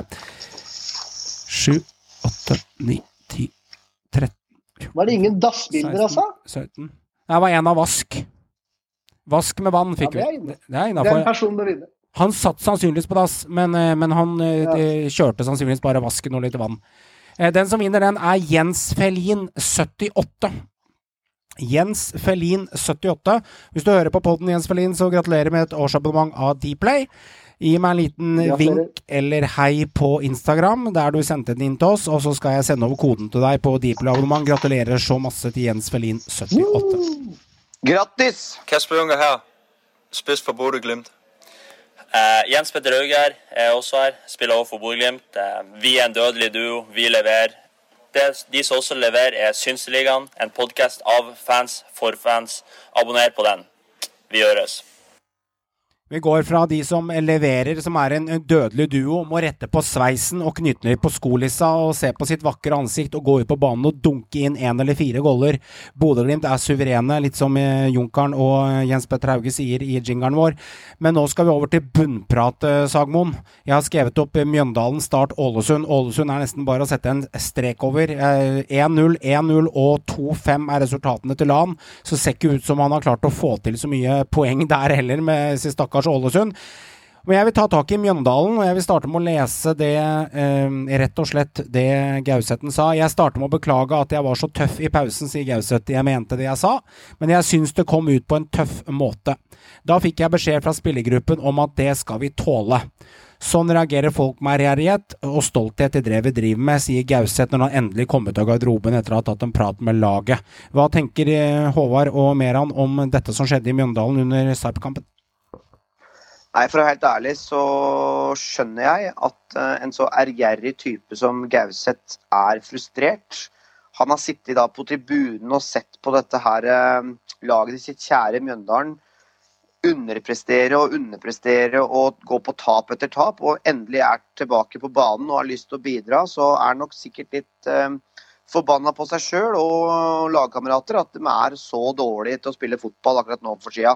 Eh, Jeg skjønner at Gauseth ikke var eh, blant de som var kanskje dårligst på banen der, men eh, han slenger jo folk under bussen. Du kan kanskje si at det er litt ufint, men jeg tror på mange måter at han mener det godt, men det kommer ut litt feil. Han vil jo bare at folk skal prestere og, og virkelig heve seg og, og jobbe knallhardt for å snu den vonde trenden her. Men det kommer jo ut litt feil. Men jeg syns det er helt greit at en kaptein kan ytre seg, men kanskje bare tilpasse litt hva du sier, da. Ja, jeg er også helt enig. Jeg syns det er helt riktig det Gauseth sa. Og, og dette har vi sagt lenge. Det laget trenger en leder. Og nå har de fått tilbake lederen sin, kapteinen med stor K. Og eh, han sier jo ikke at de er ræva, han sier bare at de tør Du må høre på det han sa. Han sier de tør jo ikke å slå en pasning. Da må de ut. Da må de rett ut. Enkelt og greit. Jeg er helt enig med det Gauseth sier. Skjønner at du er litt enig, og Håvard er eh, litt i tvil om det blir kanalisert riktig. Men syns du ikke mer han kanskje burde vært kanalisert på en annen måte? At det kanskje burde vært tatt på en litt annen måte? Jeg vet ikke om han har tatt det i forkant. Og Mjøndalen-spillerne som spiller Gause på laget, det er jo ikke spillere som er tjukke i huet. De vet jo sjøl at de har spilt dårlig. Trenger de en kaptein som går ut og plutselig smeller i pausen på den måten? Eller syns du det blir litt rart, eller er vi helt på jordet her? Nei, nei, der er jeg faktisk helt enig. For nå har det laget 14 poeng og skåra 13 mål. Og skal de fader meg prøve å skåre, så må de i hvert fall tørre å slå en pasning. Det var tre spillere utpå der som ikke turte å slå en pasning engang. Jeg sier ikke noe navn, de veit godt hvem de er. Men de, de trenger lederen sin tilbake. Nå har de fått lederen sin. Gi dem noen kamper, gi dem noen treningsuker nå, så vil du se en effekt av det Gauseth gjorde. Du vil se en effekt. Jeg er i tvil om at den effekten kommer, for det er ikke nok kvalitet i det laget til at de skal klare å heve seg så veldig. Eh, som jeg har nevnt før, så trenger det spillere inn som hever kvaliteten. Det har de vist i hele år, så å si, at de ikke har kvalitet nok i laget. Jeg syns det er bra at uh, Gauseth uh, viser ærgjerrighet og har lyst til å snu dette her. Men jeg tror kanskje det er litt feil fokus å på en måte henge laget ut i pausepraten. Men han er en spiller som har mye følelser. Dette går på stoltheten løs. Og det er på en måte lett å kanskje forstå at da, da kommer kanskje en litt uheldig uttalelse ut som, som, Han sier jo ikke noe navn heller, han gjør jo ikke noe stort, stor feil her. Men det er kanskje litt måten du, du, du må vekk, vokte ordene dine litt bedre, kanskje. Men, men, jeg skjønner poenget hans. Han prøver jo å si at dette her holder ikke, gutta. Nå må vi opp på et annet nivå. Skal vi ha noe som helst sjanse for å holde seg, alle må dra lasset sammen. Og er det en som virkelig vil få til det her, så er det jo Christian Gauseth. Og han har jo er jo selvfølgelig kjempemisfornøyd med at han har, han har sett hele sesongen fra sidelinja. Han har lyst til å bidra og lyst til å snu den vonde trenden til MIF. Ja, og Så var dette i kampens hete, så jeg skjønner at det kan gå litt uh, Det går en kule varmt. Ja da, men på, på Mjøndalen sin vegne så er jeg veldig glad for at Gauseth er tilbake. og Det er noe godt for Gauseth å kunne være med, og være med i skyttergraven og ikke stå og se på hele tida. Det tror jeg han føler litt på. Og så ønsker han å snu trenden. Det skjønner jeg veldig godt. Men for å være helt ærlig, dette har jeg sagt før. Jeg tror MIF går rett ned. Dette er ikke nok kvaliteter i laget. Og jeg tviler også på at de har nok midler til å hente spillere som vil forsterke dem nok til mm. at de skal holde seg. Eh, jeg tror det ikke kommer til å gå. Eh, Vegard Hansen må på jobb og må treffe. Det snakkes om Isak Tvum på konkurrenten hos Start. Eh, det er vel kanskje en grunn til da, at Start, konkurrenten, er villig til å slippe han til MIF. Han har skåret ett mål i år. Han har spilt litt uh, Vært mye på benk, spilt litt uh, på midtbanen. Start har henta inn Makrini, El Makrini og Bolanjos. To riktignok aldrende herremenn. Men det jeg så av Bolanjos i går, det viser at han fortsatt har noe å fare med i Eliteserien. Skåre et mål, fin fot kommer til å være bra for det startlaget. Mjøndalen har ikke spillere på den kvaliteten. De har ikke spillere med X-faktor og krydder. Og når du har til og med spillere som Tony Brochmann, som har vært mer ut av laget enn inn på laget og sliter med kroppen, som er viktig for laget. Du har Brustad som er vaksinert. Shoaibu Ibrahim ser ut som den Obo-spissen han på en måte alltid har vært. Nei, det holder ikke, altså, MIF. Jeg tror det går rett ned. Dessverre. Men de fikk jo muligheten for sesongen når de henta Olden, Nakim, Shaibu. Klarte å diske opp disse tre på rekke. Og rad. det så ut som laget hadde en god sentrallinje. Så det er ikke sikkert det er noe gærent med akkurat de tre de har henta. Men det er også muligheter for at de etablerte spillerne, Solom Johansen, eh, Dragsnes, eh, keeperen Makani har vært bra i år. Er det mulig at Brochmann du nevner, at de har slept seg litt ned og ikke tar ut sitt beste i år? Slik at summen av dette blir svakt? Ja, så Legg merke til når Mjøndalen begynte å falle. Det var når Gauseth ble skada. Det, ja, det er derfor jeg ikke stresser helt ennå. Det er derfor jeg ikke slår noe fast ennå at Mjøndalen ikke ned. Jeg tror det kommer til å slå en effekt med at Gauseth er tilbake. Uh, så får vi se. Så får vi virkelig se framover. Jeg, jeg, er litt uh, er ikke helt sikker på om det har den store effekten. Altså, før han ble skada, så brente han et straffespark. Det var egentlig det han bidro med før han ble borte brente straffespark opp i Molde, som kunne sikra MIF eh, poeng. Eh, det er egentlig det han har gjort i år, eh, og vært skada. Så jeg er litt usikker på hvor god han egentlig er nå, for å være helt ærlig. Det blir spennende å se. Og kjefta på, den... på kamerater. Og man har den, Han er effekten, og man har den effekten han faktisk eh, vi, vi, vi tror han har, da. Jeg er litt usikker på om kvaliteten er der. Han er 36 år. Han kan ikke snu ut det her på egen hånd. Han trenger kvalitet rundt seg. Og Nakkim, det er god stopper, det. Makani, god keeper. De de har henta, er ikke så verst. Mm. Men det er de gutta rundt da, Mm. som ikke leverer. Mm. Ikke sant? Det holder ikke på det nivået her. Og et lag som eh, du nevnte, Isak eh, Tvum, som er, som er um, linket dit. Skåret bl.a. for to runder siden også, på bakre stolpe der. Nydelig skåring. Men Bolanjos uh, syns jeg hadde en fot det fortsatt lukta litt krytt av. Det var litt uh, myggen over de pasningene som jeg pleier å tulle litt med når han la den ene innlegget etter det andre. Og avslutter den kampen med å få en trøsteskåring på slutten. Det bor fotball i gutten enda, Meran. Ja da, jeg syns han, han var frisk. Jeg. Jeg, som sagt, jeg fulgte jo med på den kampen. Og eh, Greit, han er 36 år, men han sto 90 min, og han sto bra. Og han spilte bra òg, faktisk. Så, så all ære til Start der, at de har henta han tilbake. Jeg syns han, han, han gjør en veldig god kamp. Makrilo, jeg syns han så var veldig god. Så, så av de bunnlagene så virker det som Start har eh, absolutt et forsprang der når det kommer til eh, kvalitet i tropp. Jeg syns det blir litt tullete av, eh, av eksperter å slakte den Bolanos-overgangen. Mm. Dette er en klubblegende. Han er, eh, han er en X-faktor-spiller som har en lang, lang fin karriere både på costaricanske landslaget og spilt for mange gode klubber. Dette er en spiller som kommer til å heve start, og en spiller som er super å ha i garderoben for yngre spillere å se opp til. Så dette her, mm. om å- med å hente de to gutta der Makrini har også lang, bra karriere i dansk fotball og skotsk fotball. Kommer med pondus inn i laget, og viktig for et ungt startlag. Så jeg syns at de overgangene er helt OK. Det handler om å redde plassen. Det er det det handler om. Og da syns jeg det er helt OK å hente sånne typer spillere.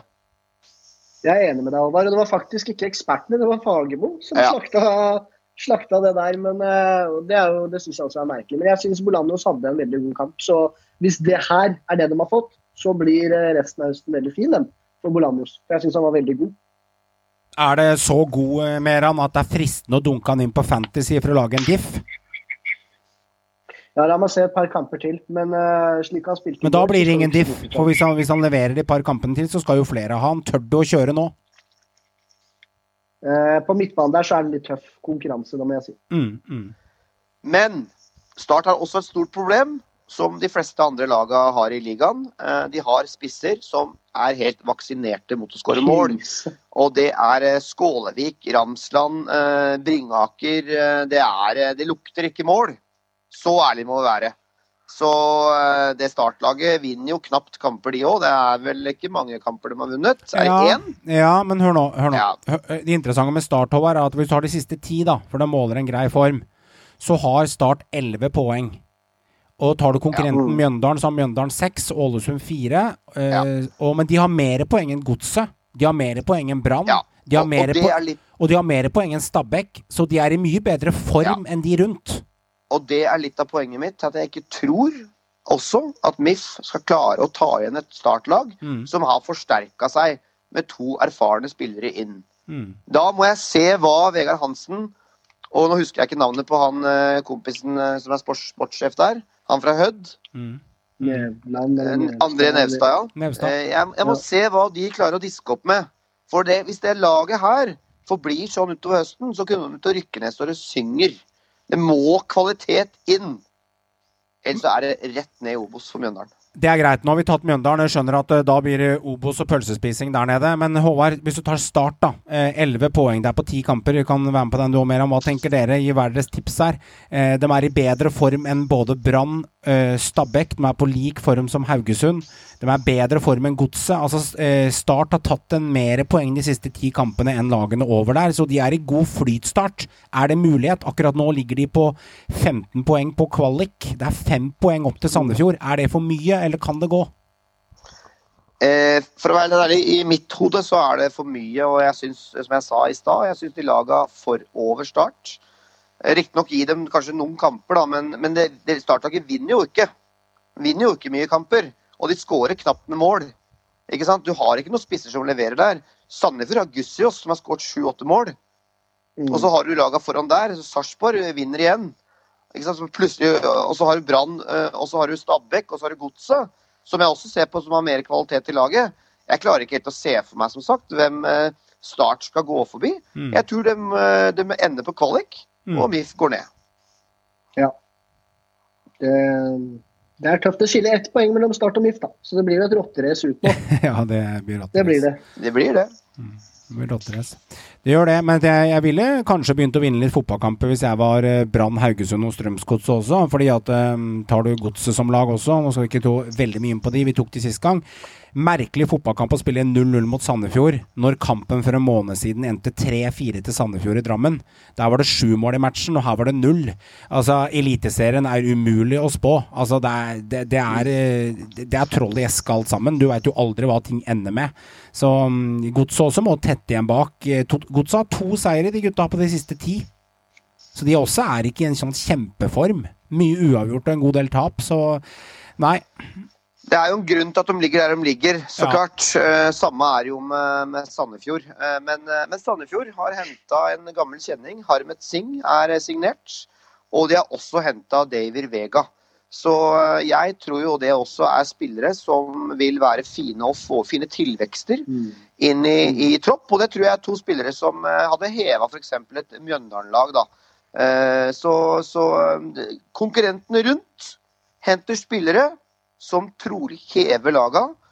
Og, og jeg tror at Sandefjord kommer til å klare seg. Jeg øksa han tidligere år, men jeg vil gi han litt skryt nå. Det er Bugge. Jeg sa for et par podder siden også, når man er på jobb, bang, så henta han ikke bare Vega eh, Singh, men også Håkenstad. Litt usikker Mm. på Håkenstad, faktisk. Men, eh, men eh, Harmet Singh, det er bra signering for, Sandefjord. Det tror jeg er en bra signering, ja. Det, det kan bli bra, det der. Den viser i hvert fall for alvor at de ønsker å holde plassen. Jeg tror, når- eh, jeg tror Devin Vega er en god signering. Jeg tror Harmet Singh ikke holder nivå. Jeg, jeg eh, tror begge er gode signeringer, faktisk. For at du ser når Sandefjord henter spillere, det er faktisk en ganske plan bak det. De henter det. henter ballsikre, tekniske spillere som klarer å spille den fotballen de forventes eh, vil at de skal spille. Og, og, og det er et lag med en tydelig plan. Ikke sant? Sandefjord spiller fin fotball, de. Og, og de har faktisk en del kvaliteter, så jeg tror de holder seg. Men hva er det du legger i en plan? Altså De andre laga rundt, altså Mjøndalen og Ålesund og Start, de prøver å ha en plan, de òg, men de har bare ikke Ja, men de klarer jo ikke, å utfordre den. Nei, det er, det er Det er litt kalkfotball. Ja, ja, jeg skjønner- jeg skjønner det, men- men- det er, det er, det, Når jeg snakker om en plan, så snakker jeg om hvordan de faktisk fremstår på banen.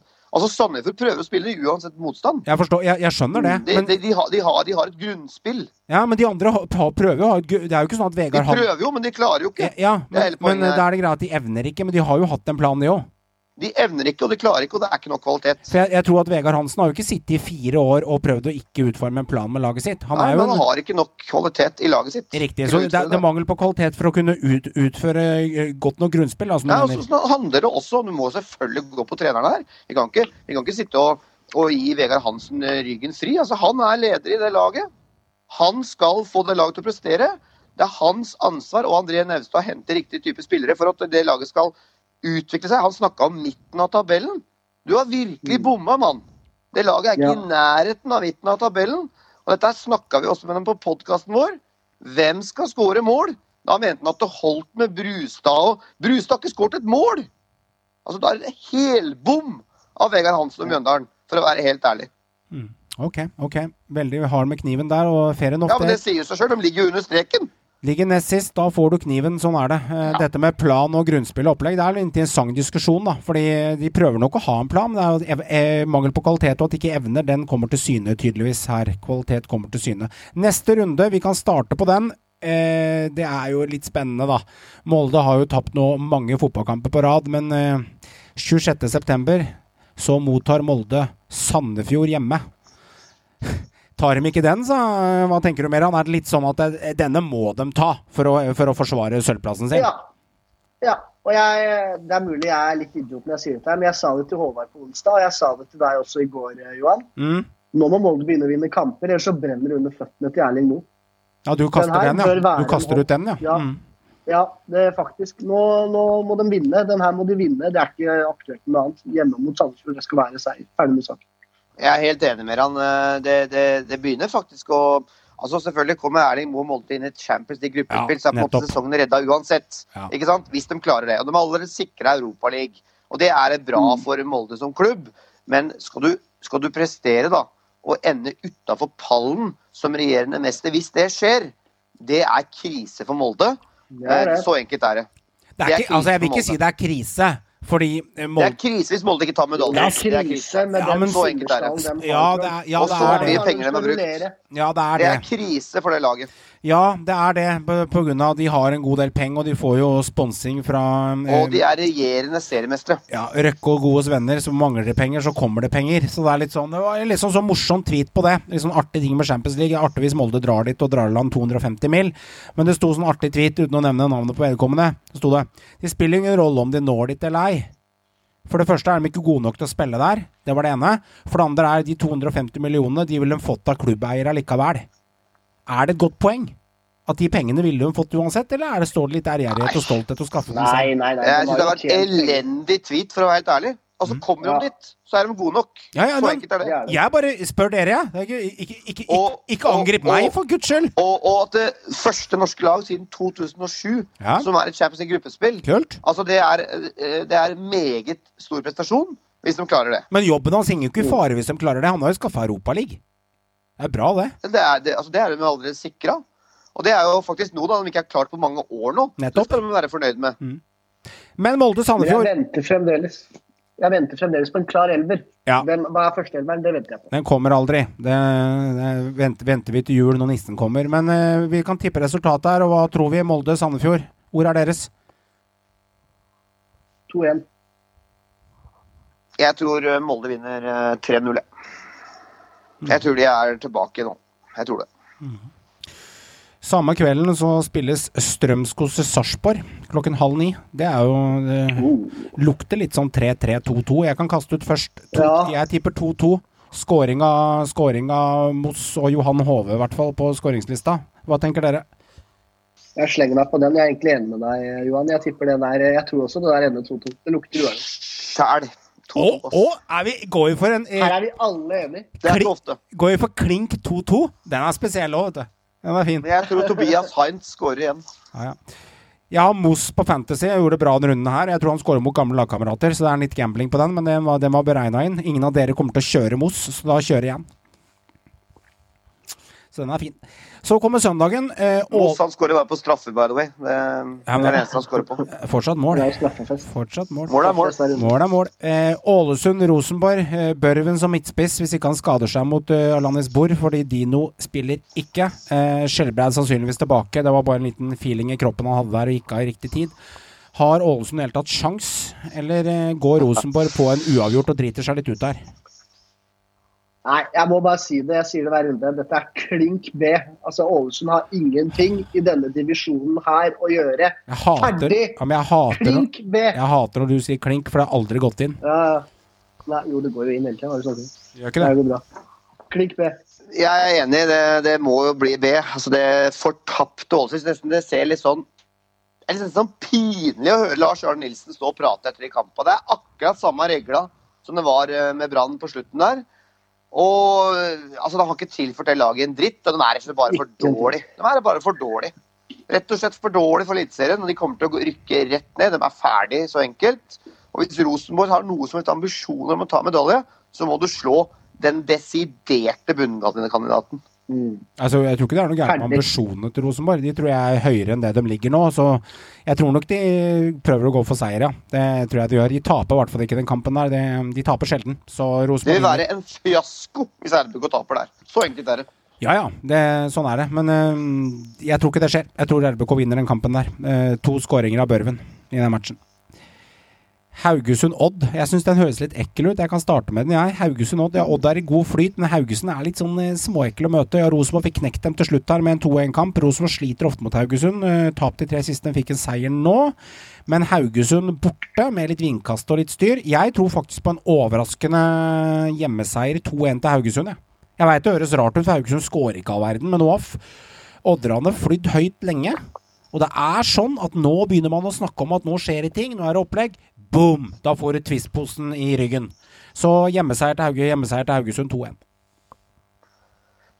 Jeg følger deg nesten litt på den.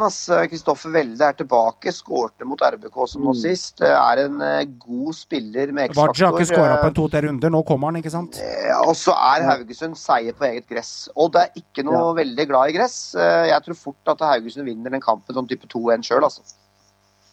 Ja, jeg slenger meg på der. Jeg eh, syns det lukter en eh, 1-1-kamp, eventuelt Ja. 2-1 til Haugesund. Fort hende at eh, Odd er litt ned på jorda enn der. Men blir du med på 2-1, så blir andre klink eh, enig i dag med han? Nei, da må jeg være uenig. Fordi han kunne ta faen og sier 1-1. Ok, ok. ok. Ja. Jeg er veldig nærme, i hvert fall. da. Yes, eh, Kristiansund Brann. Ja, vær så god, Håvard. Du kan starte i dag på den.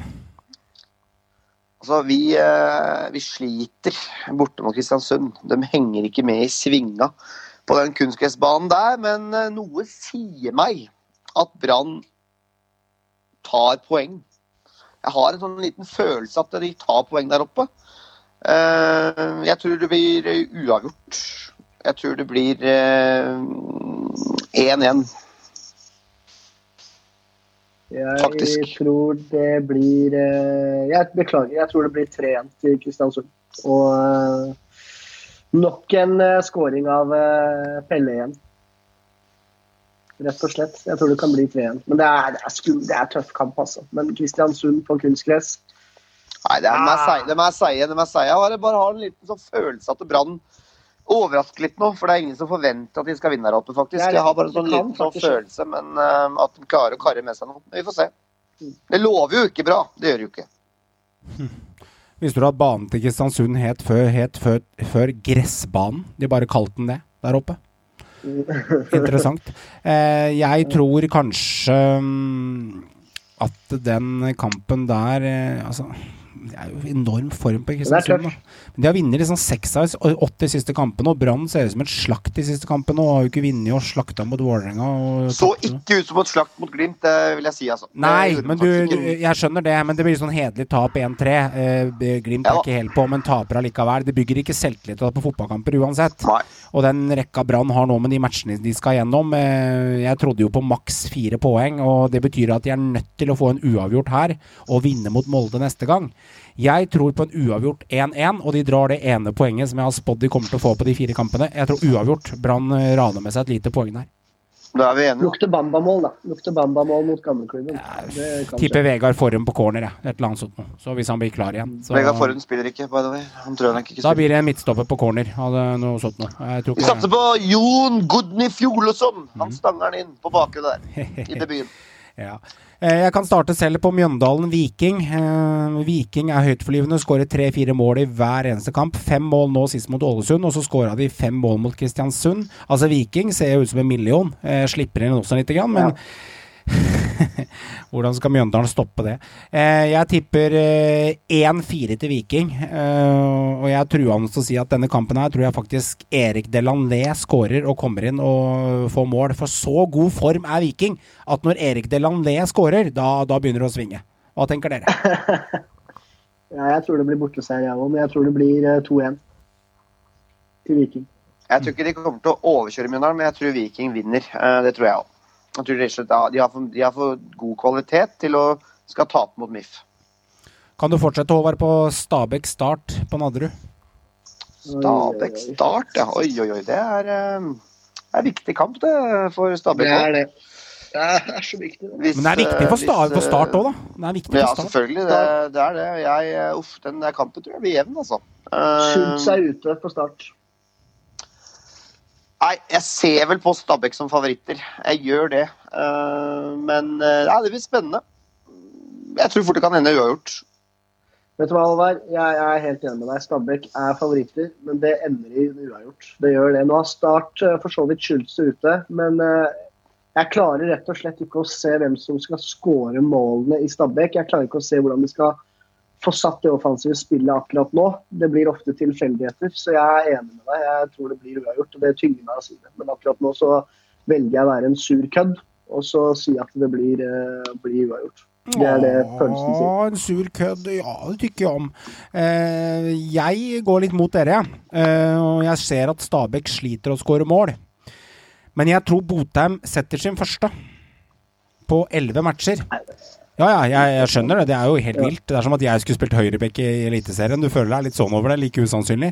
Jeg tror han setter seg første, men utfordringen er det at Start de skårer to, og det er Kabran.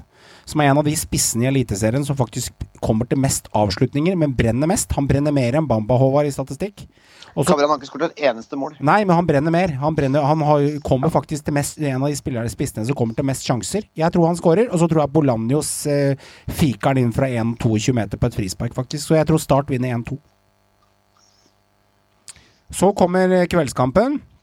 Der hvor Vålerenga-fansen sitter og har våte drømmer om å ta Aspmyra eh, borte på Bodø-Glimt, og det blir den store kveldskampen. Men da har jo eh, Bodø-Glimt vært nede i Italia en tur, og de har kanskje litt slitne bein. Kanskje har de vunnet, kanskje har de tapt, kanskje har de spilt uavgjort, men eh, Bodø-Glimt-Vålerenga med Ørnen som har landet, Sagmoen, hva tenker du på Aspmyra?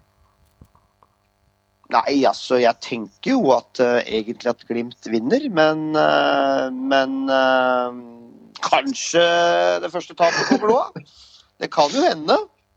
Vi veit jo aldri med Ørnen, som har landet. Han kan være på plass igjen, og Vålerenga er solide. De er Jeg tror det blir jævlig tett og jevn kamp. Jeg tror ikke Glimt kommer til å overkjøre det laget der. Det tror jeg ikke, altså. Jeg er enig. Jeg, men jeg tror heller ikke Glimt taper. For jeg tror rett og slett på at den går ubeseira gjennom sesongen. Men at det kan bli en uavgjort Vålerenga, det, det, det, tror jeg kan skje. Men, men, jeg trodde jo at Odd skulle være bedre også der oppe. Det ja, Bodø-Glimt-laget, de bæsjer på alle lag som kommer til Aspmyra, rett og slett. Og det tror jeg fort kan skje òg hvis Vålerenga ikke har sin aller, aller, aller, aller beste dag på jobb, altså. Så klok av skade så sier jeg at det der blir en hjemmeseier, men det kan ende i en uavgjort hvis Vålerenga har dagen. Det kan jo ende med hva som helst, det er Eliteserien. Eh, fordel Vålerenga er at uh, de har Kjartansson, og Bodø-Glimt uh, har ikke møtt en bedre spiss enn det i år. Eh, og spissen Chartersson er sterkere midtstopperne til Bodø-Glimt, eh, hvis du skal måle dem opp mot hverandre. Det er fordelen Vålerenga. Det som er skitt med Vålerenga, er at de skårer sjelden mer enn to mål i en fotballkamp. Eh, og Bodø-Glimt skårer som regel mer. Så jeg tror det blir hjemmeseier. Og så er jeg uenig med at Bodø-Glimt kommer til å gå serien igjennom uten å tape. Det er fortsatt 12-13 kamper igjen, og de får alltid en sånn skitkamp der de taper en sånn kamp de ikke trodde de skulle ta. De kommer til å tape, men jeg tror ikke det skjer til helgen. Jeg tror Bodø-Glimt vinner. For å si det sånn, da. Du går fra Zlatan på torsdag, og så er det hjem og møte Vidar Ørn Kjartansson. Så altså jeg skal, skal få bryna seg litt nå, det stopperne til Glimt. Men klart, Vålerenga har jo eh, flådde Brann, tok Molde. De har tatt gode, sterke lag. Ja. som, eh, altså Vålerenga er en god flyt, og du skal aldri undervurdere et lag i flyt heller. Så som dere sier, det kan ende med hva som helst her også. Det kan Vålerenga kan vinne dette, her, men jeg tror Glimt tar det. Det er derfor jeg tror det blir jævlig jevnt. Mm. Jeg tror det, altså. Mm, mm. Det gjør det. Det blir i hvert fall spennende. og Vi ser jo nå at eh, Bodø-Glimt har de 16 poengene på tabellen. og Molde har sine 34, og Odd har sine 34.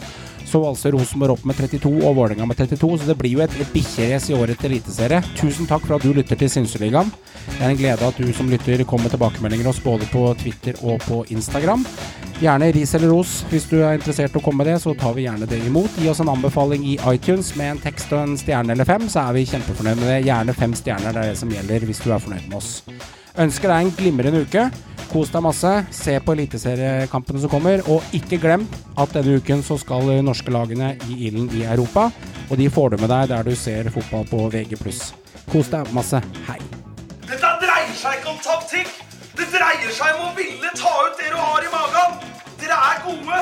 Skjønn at dere er gode. David Hansen!